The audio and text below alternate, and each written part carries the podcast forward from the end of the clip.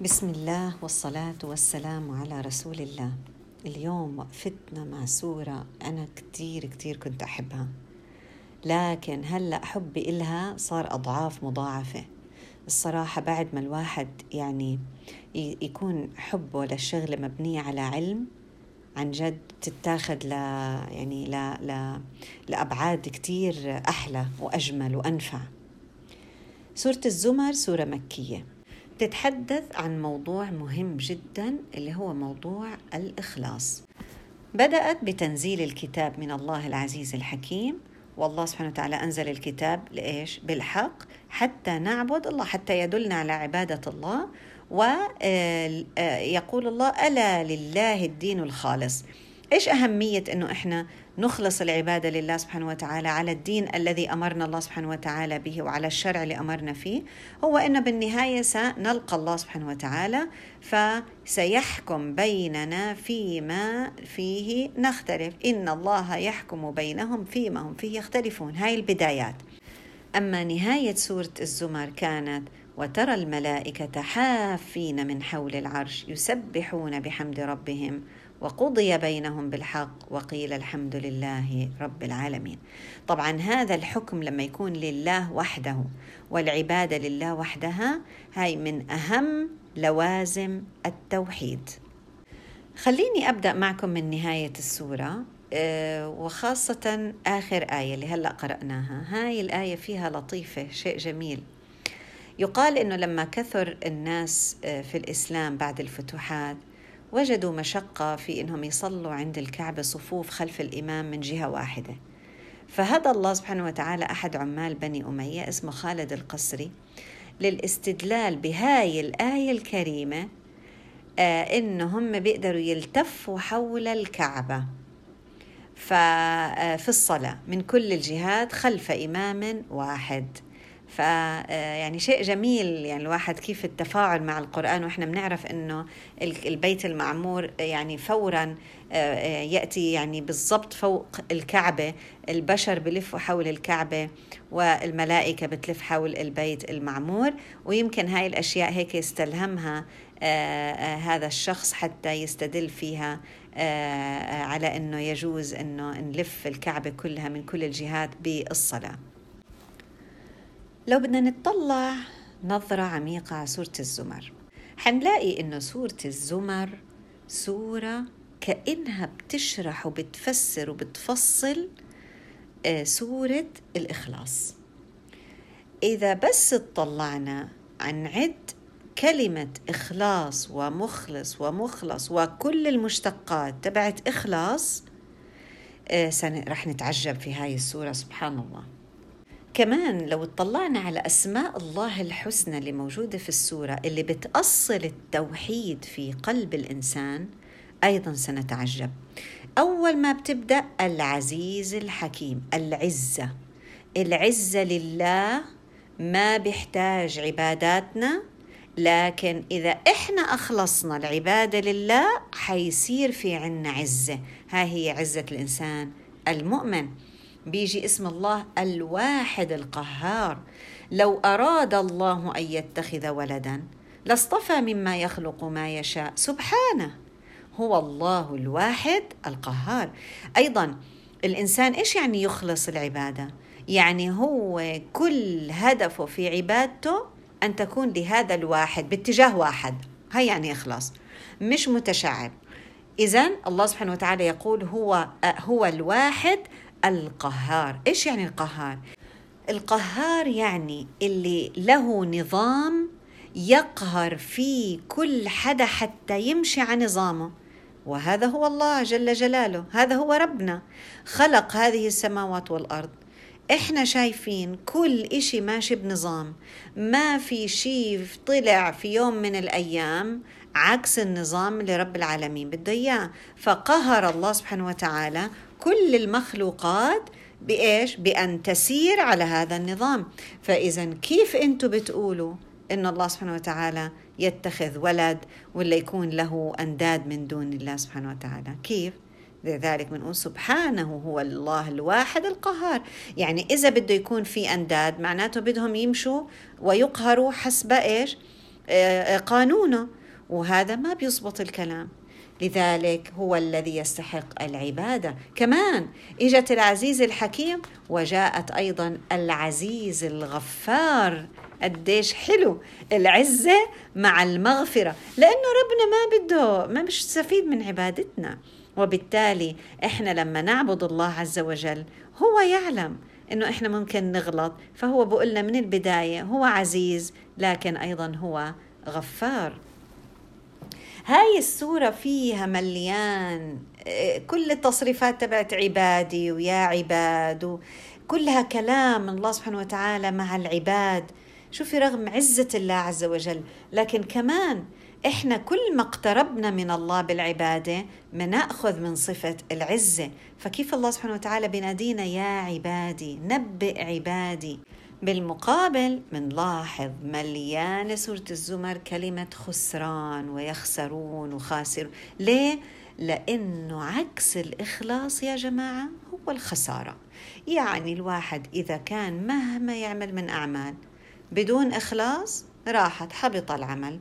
إذا إيش؟ خسر الإنسان الدنيا والآخرة والعياذ بالله. كمان عرضت هذه السورة مجموعات من القلوب. في عنا القلوب القاسية في عنا القلب الميت. آه وعنا قلب الله سبحانه وتعالى عبر عنه بأكثر من موضع. قال أولو الألباب. أولو الألباب كلمة بتدل على القلب الحي على القلب السليم. وإحنا مهما يعني مهما نقول عن علاقة الاخلاص بالإحسان بالتقوى بالصدق بالتوكل مع سلامة القلب. ما يعني هاي كلها أشياء مرتبطة مع بعضها البعض كلها موجودة في هذه السورة. آه، في يعني من القصص اللي بتدل على آه، فعلا أهمية العناية بقلب الإنسان. قد إيه لازم الإنسان يعتني بقلبه؟ حتى يكون الإنسان عادل مع نفسه اللي هي عكس ظلم النفس. إذا بده يعدل مع نفسه لازم يهتم باختياراته. الإخلاص معناها اختاري الله وإنت عم تعملي أعمالك. ليش؟ لأنه القلب إذا صلح صلح كل أعمالك. إذا فسد فسد كل أعمالك. هو مثل الملك والأعضاء. كلها هي الجنود اللي بتنفذ أوامر هذا الملك. ورب العالمين قالنا إن الله سبحانه وتعالى ينظر إلى القلوب وإلى الأعمال. يعني ما بينظر لما إحنا نضحك مثلا أوه هاي ابتسامتها حلوة شفايفها حلوة كبيرة مليانة وعندها غمازة. ما بتطلع رب العالمين على هذا الإشي. ربنا بتطلع على أنه أنت كيف كانت ابتسامتك؟ هل كانت ابتسامتك فيها آه، تودد وولاية للمؤمنين؟ وأنت حابة آه، يعني أنك أنت تفرحي غيرك آه، وتورجيهم هاي الوجه المبتسم يعني صدقة؟ يعني راح تنحسب لك صدقة تبسمك في وجه أخيك صدقة ولا في من وراها نوايا أخرى؟ ونقيس على كل إشي تاني آه يعني آه آه عدا عن ذلك. هي سبحان الله يا جماعة يعني القلب هو محط نظر الرب. لذلك يجب أن يعني نرعاه اهتمام خاص جدا جدا. ليه؟ علشان بالنهاية نهاية السورة بالنهاية لما يحكم الله سبحانه وتعالى بين العباد يكون الحكم يعني في فوز نفوز نف يكون في فلاح. نلاقي النتيجة عشان بالنهاية لما نشوف مشهد دخول الجنات بالزمر آه، نشعر إنه الحمد لله رب العالمين إحنا اعتنينا بهذا القلب. سورة الزمر فيها شيء عجيب الصراحة. يعني ببين لي الإخلاص كيف الإنسان بيشتغل على الإخلاص في حياته وبعدين كيف نتيجة الإخلاص بالنهاية. خلينا نشوف مع بعض. آه، بتوجه السورة الحديث في أغلب آياتها وخاصة في بداية السورة للمخاطب المفرد. إنا أنزلنا إليك الكتاب. بعدين وإذا مس الإنسان ضر دعا ربه. بعدين قل إني أمرت أن أعبد الله مخلصا له الدين وأمرت أن أكون أول المسلمين. قل إني أخاف إن عصيت ربي. كله كلام إيش؟ مفرد. أفمن شرح الله صدره للإسلام فهو على نور من ربه؟ كما ضرب الله مثلا رجلا فيه شركاء متشاكسون.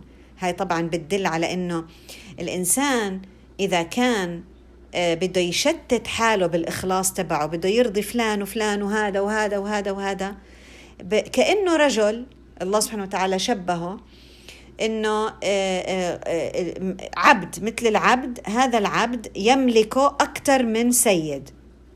كل سيد بده إياه بيعطيه أوامر. طب هو بده يرضي هذا ولا هذا ولا هذا ولا هذا؟ كيف بيكون شكله هذا الرجل؟ بيكون إيش؟ مشتت. هل هذا بيكون مثله؟ مثل رجل سلما لرجل؟ يعني خلص هذا الرجل بياخذ أوامره من شخص واحد. خلص. فكيف بده يكون ال- ال- الوضعية قلبه وهكذا الإخلاص وغير الإخلاص. كمان أليس الله بكاف عبده؟ ولقد أوحي إليك وإلى الذين من قبلك كل هاي السياقات فردية شخصية. الحديث فيها ربنا عم بقنعنا وبورجينا أهمية الإخلاص. لما نيجي نحكي على الإخلاص كل واحد لازم يشتغل على قلبه. حتى لو كنا إحنا في مجموعة ما بتغني ما لا تزر وازرة وزر أخرى وما بيغني الإنسان عن عن إنسان آخر. كل إنسان حتى لو إحنا متحركين بشكل آه، جماعي كل إنسان لازم يطلع على قلبه كيف الإخلاص في قلبه. إذا هذا موضوع الإخلاص موضوع شخصي فردي.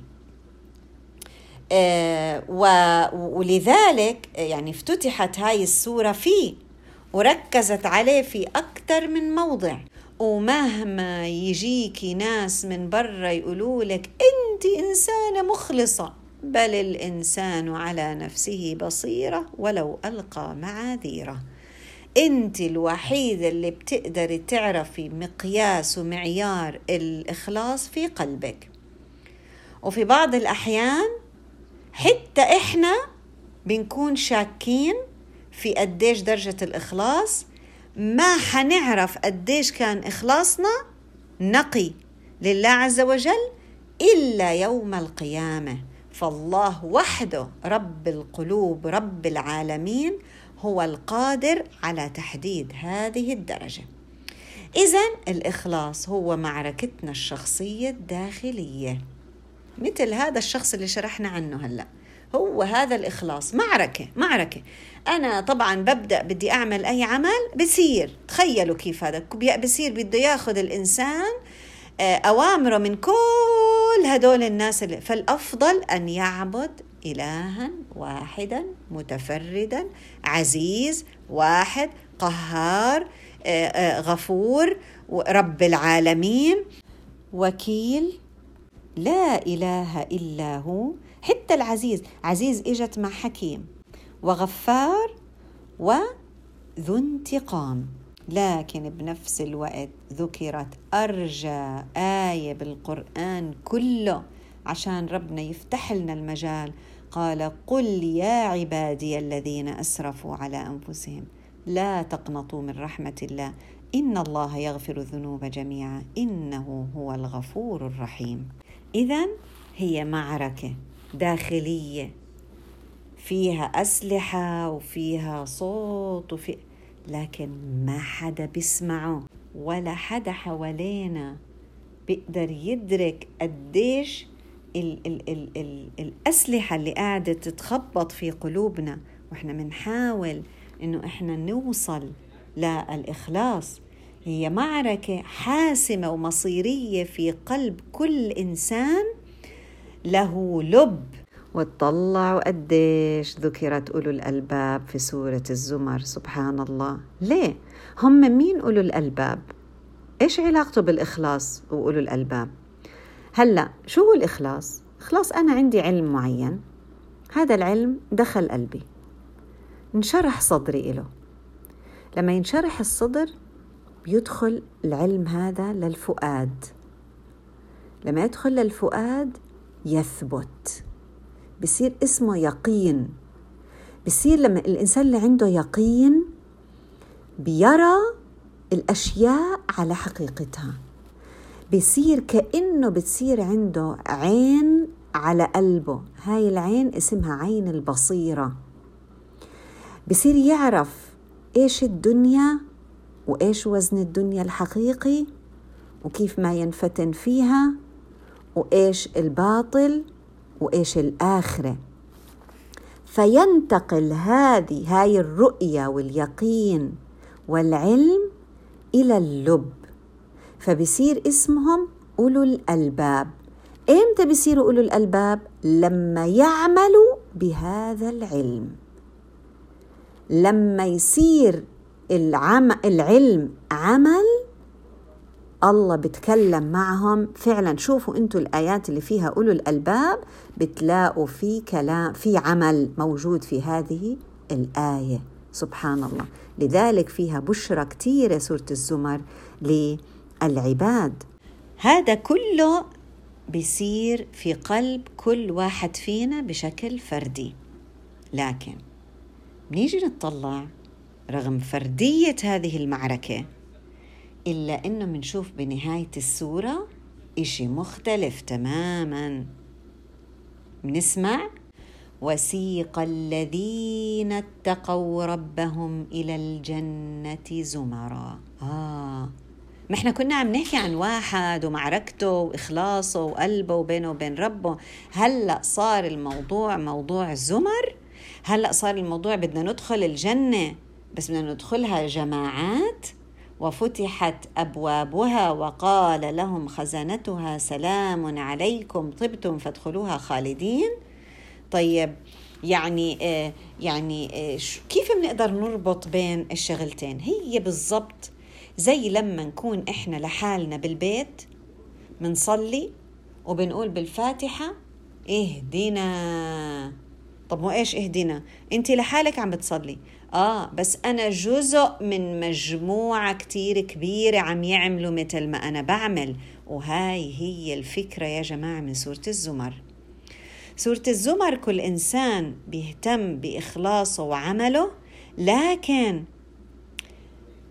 لما يجي يوم القيامة الحساب ودخول الجنات هو أصلا صحيح كان يفكر حاله لحاله هو يخوض هاي المعركة لكن في الحقيقة هو كان ضمن فوج كبير ومش شرط يكون بيعرفهم. يعني أنا لما كنت أقرأ سورة الزمر أتخيل أنه وسيق الذين اتقوا إلى ربهم إلى الجنة زمرا. فأنا أتخيل أنه آه مثلا أنا كنت أعمل مثلا في لجنة صدقات فأنا رح أدخل مع لجنة الصدقات هاي الزمر آه، زمرة يعني إلى الجنة. أنا مثلا بتعلم العلم والقرآن ومثلا حلقات تجويد وكذا فأنا حدخل الجنة في زمرة التجويد.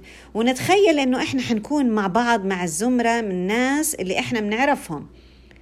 لكن لما نطلع على سورة الزمر مرة أخرى وننظر إلى إلى تفسير الآيات نفهم إنه هاي الزمر هي مش زمرتك الصغيرة مش حلقتك الصغيرة مش الواتساب جروب تبعك الصغير هو هاي زمرة لا. كل اللي كانوا يشتغلوا على الصدقات في العالم من أول ما بدأ الموضوع من بدا من أول ما بدأ الإسلام إلى أن يشاء الله عز وجل ويأخذ الله الأرض ومن عليها. هدول كلهم زمرة. يعني اللي كان يجمعهم كان يجمعهم عمل واحد. مش شرط أنا أكون أعرفك. يعني هلأ مثلا ممكن ناس في آه في أمريكا وناس في ألمانيا وناس في ليبيا وناس في جيبوتي كلهم قاعدين عم بيشتغلوا على مشاريع صدقات. هدول كلياتهم سيحشروا يوم القيامة زمرة واحدة. بس هم ما كانوا يعرفوا بعض. آه بس قلوبهم كانت تعرف بعض. قلوبهم كانت تعاني نفس المعاناة أيام ما كانوا في الدنيا. وهدول ممكن يكونوا في القرن هذا وممكن يكونوا في القرن اللي قبل وممكن يكونوا في القرن اللي بعد ممكن يكونوا أيام الرسول صلى الله عليه وسلم. هدول كلهم بيتجمعوا في زمرة واحدة اللي جمعهم وجمع قلوبهم ذلك العمل. سبحان الله يا جماعة. اللي بيشتغل على مشروع مثلا مشروع آه، آه، دعوي لنفرض. في ناس مثلا بهمهم اللي هي الدعوة غير المسلمين للإسلام. هدول مجموعة. هلا هم منتشرين في الأرض يمكن ما بيعرفوا بعض بس الخواطر اللي بتخطر على قلبهم وأثر الآيات على قلوبهم والأعمال اللي بيعملوها والأفكار اللي بتخطر على بالهم كلياتها وحدة سبحان الله. المشاعر اللي بتنتابهم لما واحد يدخل الإسلام بعد كل هالتعب اللي تعبوه هي مشاعر وحدة. فسبحان الله كأنهم بيكونوا بيعرفوا بعض من خلال المشاعر والأفكار اللي بتكون وحدتهم. قديه هذا الإشي جميل. قديش بهالطريقة لما فهمنا الآية؟ كبرت الزمرة. وقديه حلو لما نسمع الرسول صلى الله عليه وسلم بيقول لأبو بكر رضي الله عنه قال له يا رسول الله في حدا بدخل من كل أبواب الجنة؟ قال له في وأرجو الله أن تكون أنت يا أبا بكر. يا يعني أبو بكر رضي الله عنه في كل هدول أبو زمرة الصحبة زمرة العمل لله زمرة الصدقة زمرة القيادة يعني يعني آه، زمرة الصديقين يعني نعد يعني أعداد لا لا لا حصر لها سبحان الله البر الجهاد يعني شو هالقلب؟ إيش هالقلب اللي بيكون مر عليه كل هاي الخبرات؟ اذا سورة الزمر بتبين لنا كيف كانت معركة فردية وتحولت لزمرة. كيف تحولت من الأنا إلى النحن. أحيانا كتير بيكون الطريق موحش يا جماعة عن جد يعني وما بفهم هالحكي إلا الناس اللي فعلا اختاروا هذا الطريق. مثل كل الطرق المهمة في الحياة. بيكون فيها وحشة. بحس حاله الإنسان مدام بده ياخد قرار مهم وقرار صح في الحياة بده يحس حاله لحاله. مرات اللي ماشيين في الطريق لما يختاروا طريق الله سبحانه وتعالى لنفرض ويحسوا بالوحشة في هذا الطريق بفكروا خطأ إنه الناس تخلت عنهم.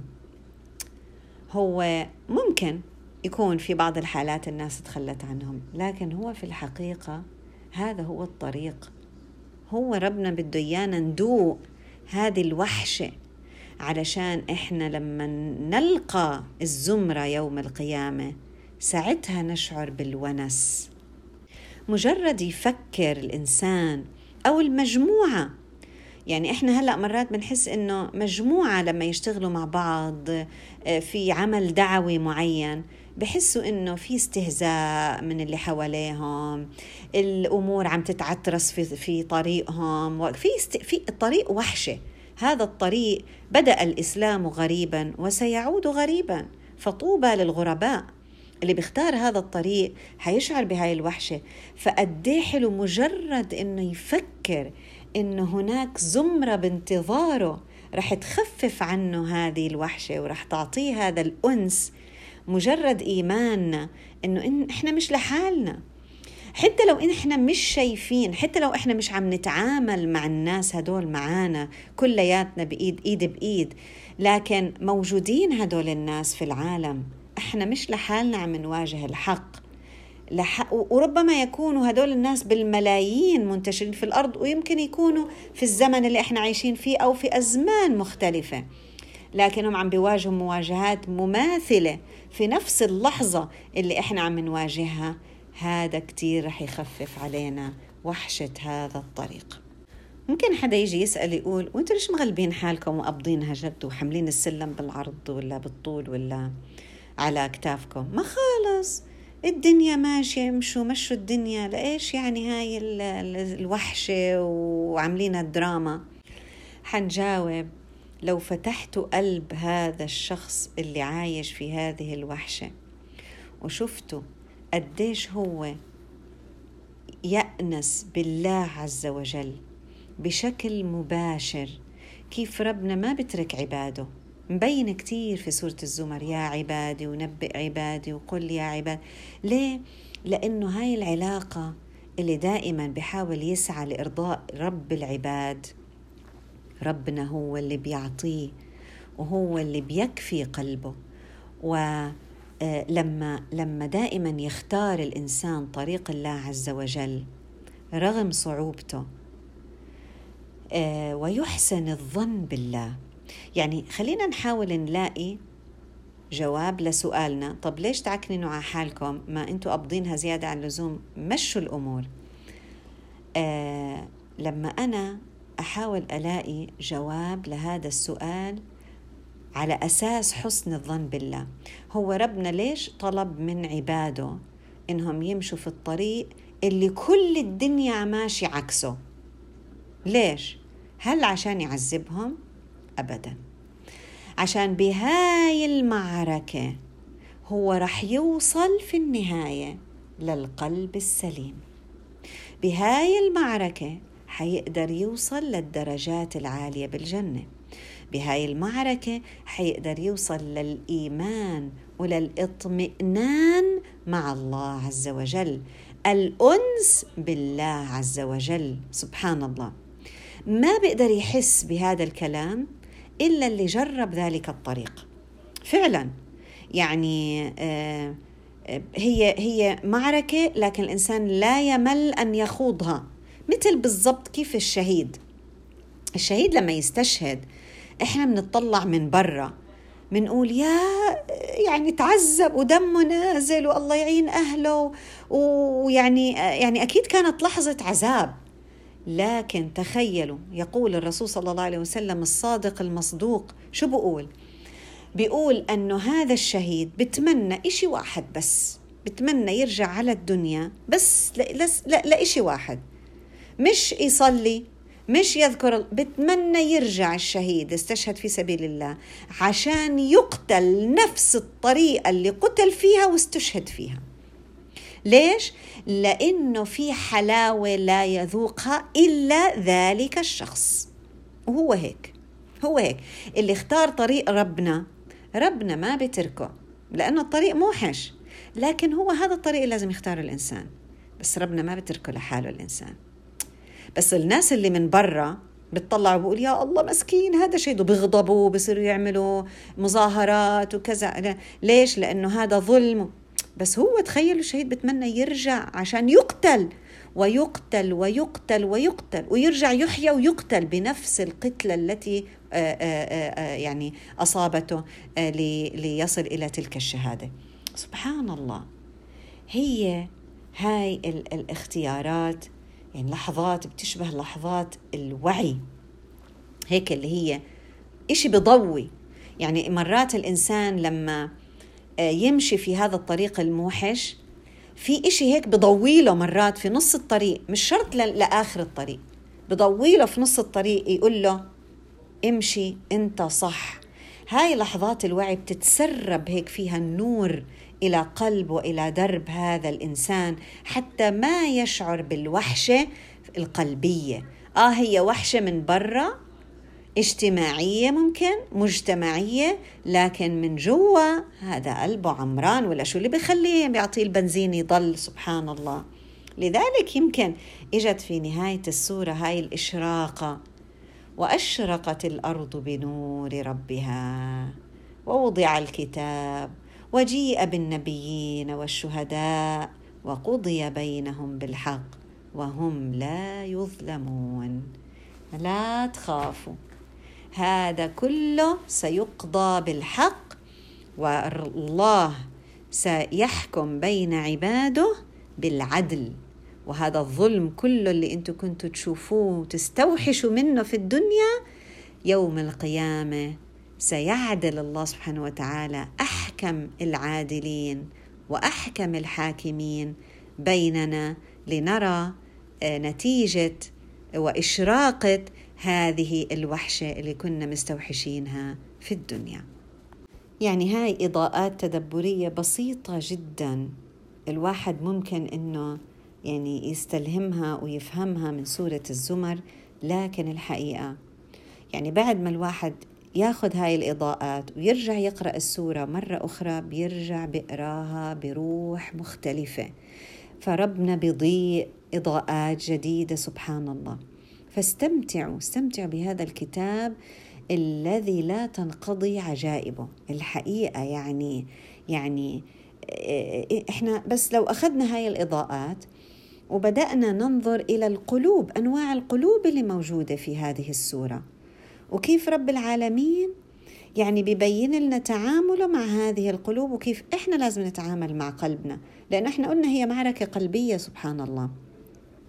آه كيف ببين لنا الله سبحانه وتعالى الأجر والطبطبة كيف ببين لنا العوائق من تكبر من شيطان من من من رياء من هاي كل هالأشياء سبحان الله الواحد يعني ممكن إنها تتفتح له لما يفهم المحور الرئيسي لهذه آه، السورة. إحنا هلأ حنعمل وقفة آه، قبل الحواميم. نسأل الله سبحانه وتعالى فيها الإخلاص. ونساله إنه هو يعلمنا طريق الإخلاص لأنه طريق الإخلاص طريق يعني هو جميل لكن في شوية نوعي من نوع من القلق اللي يمكن إحنا مرات ممكن إنه نخاف منه. لكن هو القلق يا جماعة موجود هذه الحياة هي حياة فيها قلق. فالإنسان بيختار قلقه بيختار تعبه. يعني كل إنسان يختار تعبه. اللي راح يريحه. آه، في ناس بتقلق على الدنيا وفي ناس بتختار إنها تقلق على الآخرة. شتان ما بين التنين. القلق للدنيا هذا بوقفنا بخلي عنا حزن بخلي عنا حزن على الماضي بخلي عنا قلق على المستقبل بيفتح أبواب الشيطان والنفس الأمارة بالسوء وبخلينا نقعد مكاننا. بينما القلق الصحي الإيماني اللي ربنا خلقنا كخلفاء حتى نكون آه يعني آه يكون إلنا باع معه هو القلق اللي بيخليني دائما أمشي للأمام. دائما أتبع السيئة الحسنة تمحها وخالق الناس بخلق حسن. هذا اللي بخليني أتوكل على الله. لذلك بتحسوا في موضوع التوكل الصدق التقوى الإحسان موجود بقوة في سورة الزمر. ليه؟ لأنه الإنسان فعلا المخلص لابد أن يستعين بهذه الأدوات. محتاجها محتاج محتاج صبر علشان يقدر يتعامل مع هذا القلق اللي بينتج. لأنه إمتى رح أعرف إني أنا مخلصة ولا لا؟ ما رح نقدر نعرف إلا لما نوصل لتلك الحفرة. وبرضه طلعوا على موضوع الموت والوفاة كيف موجود في هذه السورة. عشان إحنا نعرف إنه هذه هي اللحظة الحاسمة اللي إحنا حنعرف فيها نتيجة إخلاصنا في هذه الأعمال اللي إحنا عملناها وقدمناها في الحياة الدنيا. قلق يا ترى أنا قلبي هل صار من في مرض؟ إيه هذا المرض أنا بدي أتركه ولا أنا بدي أعالجه؟ وإذا ما عالجته يا ترى إيش حيصير؟ هذا المرض يعني راح يتفاقم يؤدي إلى قسوة وإلى موت آه، ولا ممكن يكون قلب مشمئز كما ذكر الله سبحانه وتعالى؟ وإذا ذكر الله وحده اشمئزت قلوب الذين لا يؤمنون بالآخرة. أما إذا ذكر الذين من دونه يعني الناس بنلاقي إنه قلبنا مع أهل الدنيا مبسوطين وما أحلانا بس حدا يذكر الله سبحانه وتعالى اشمئزت قلوبهم. يا ترى هاي أنا أنا وين معركتي؟ وين قلبي بدي إياه؟ أنا وين قلبي بدي إياه ياخذني وين بدي أروح؟ وهذا هو محط نظر الله سبحانه وتعالى. لذلك المعركة بتستاهل يا جماعة.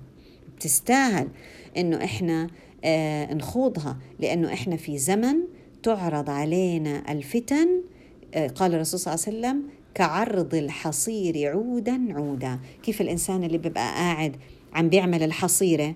ما بنفع الحصيرة يجيب كل الأعواد ويحطها مرة واحدة. عود عود بخيطه.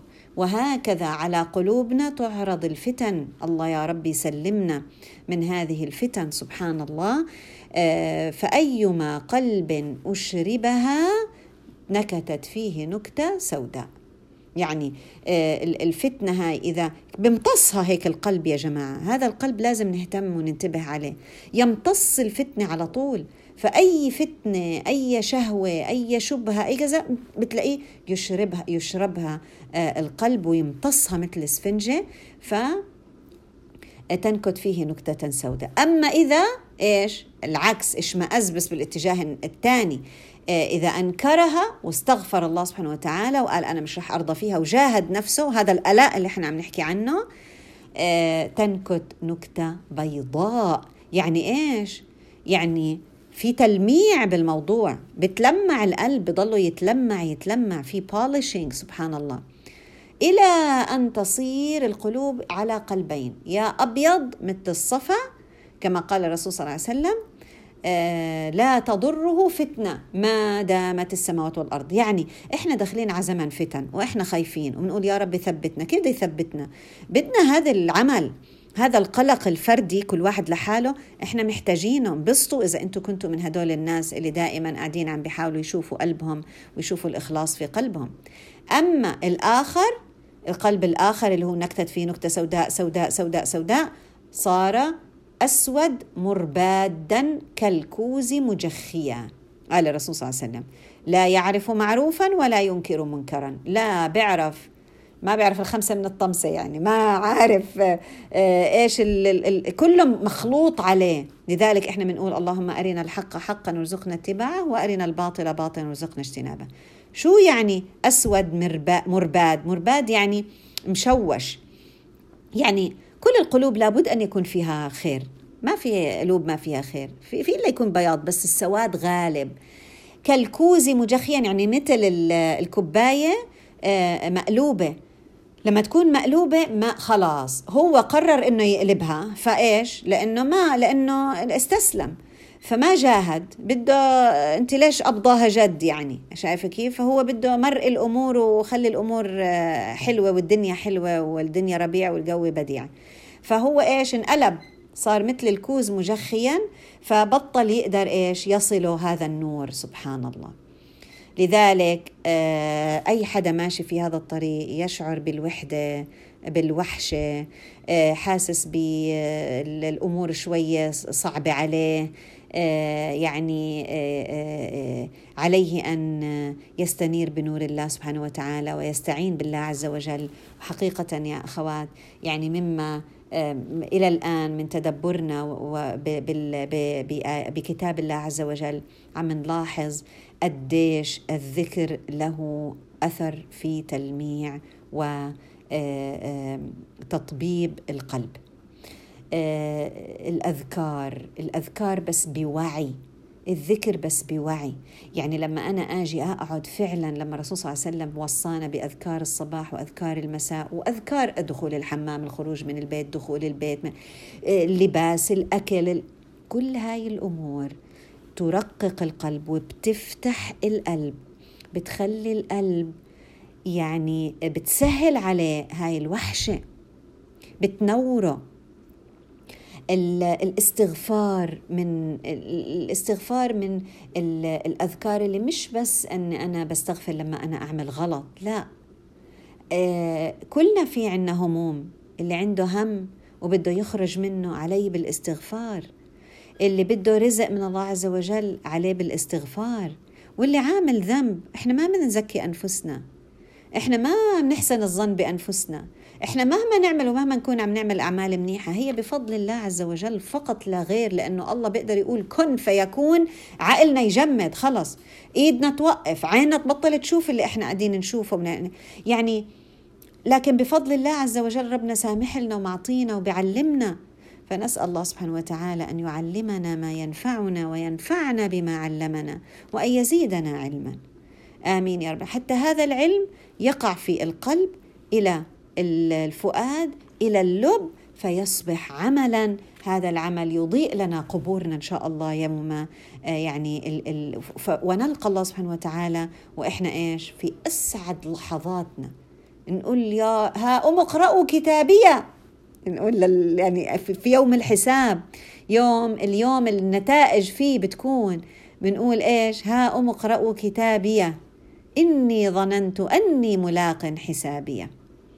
فهو في عيشة راضية في جنة عالية قطوفها دانية. سبحان الله. يعني نسأل الله سبحانه وتعالى أن آه، يعني يؤنس وحشتنا في هذه الدنيا ويؤنس وحشتنا في القبور ويؤنس وحشتنا على الصراط وفي آه، آه، يعني محطات يوم القيامة. ونسأل الله سبحانه وتعالى أن يسقينا من حوض نبيه الطاهر الشريف شربة هنيئة مريئه لا نظمأ بعدها ابدا. آمين يا رب العالمين. يعني لإحقاق الحق الحقيقة أنا كثير استفدت في هاي التدبرات. يعني من كتاب القرآن نسخة شخصية لأحمد خير العمري. آه، أيضا كتاب أول مرة أتدبر القرآن صراحة من الكتب الرائعة جدا.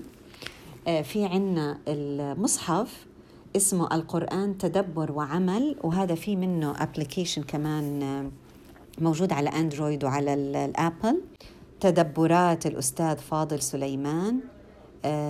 وأيضا دورة مفاتح القلوب الحقيقة آه، يعني هذا بس عشان أقول الأقل القليل من ال يعني آه، يعني اعتراف بفضلهم ما شاء الله وقديش استفدت الحقيقة من آه، هاي الكتب والمراجع اللي أنا رجعت لها في تدبرات.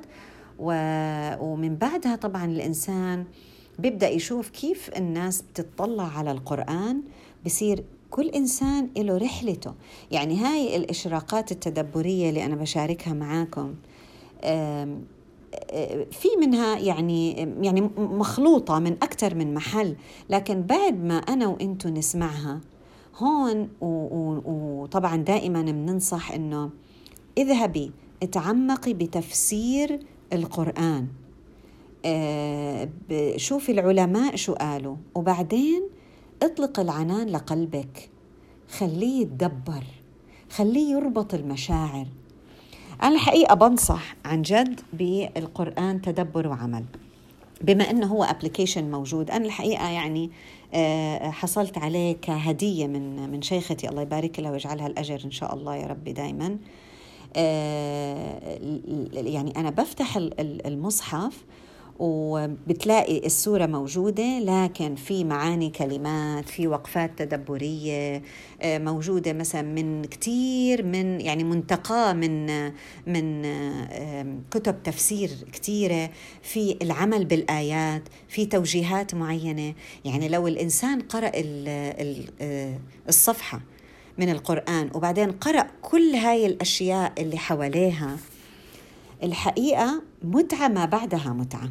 حقيقة. أنا يعني بنصحكم فيها لأني أنا جربتها ووجدت يعني لها أثر كتير يعني عميق على القلب.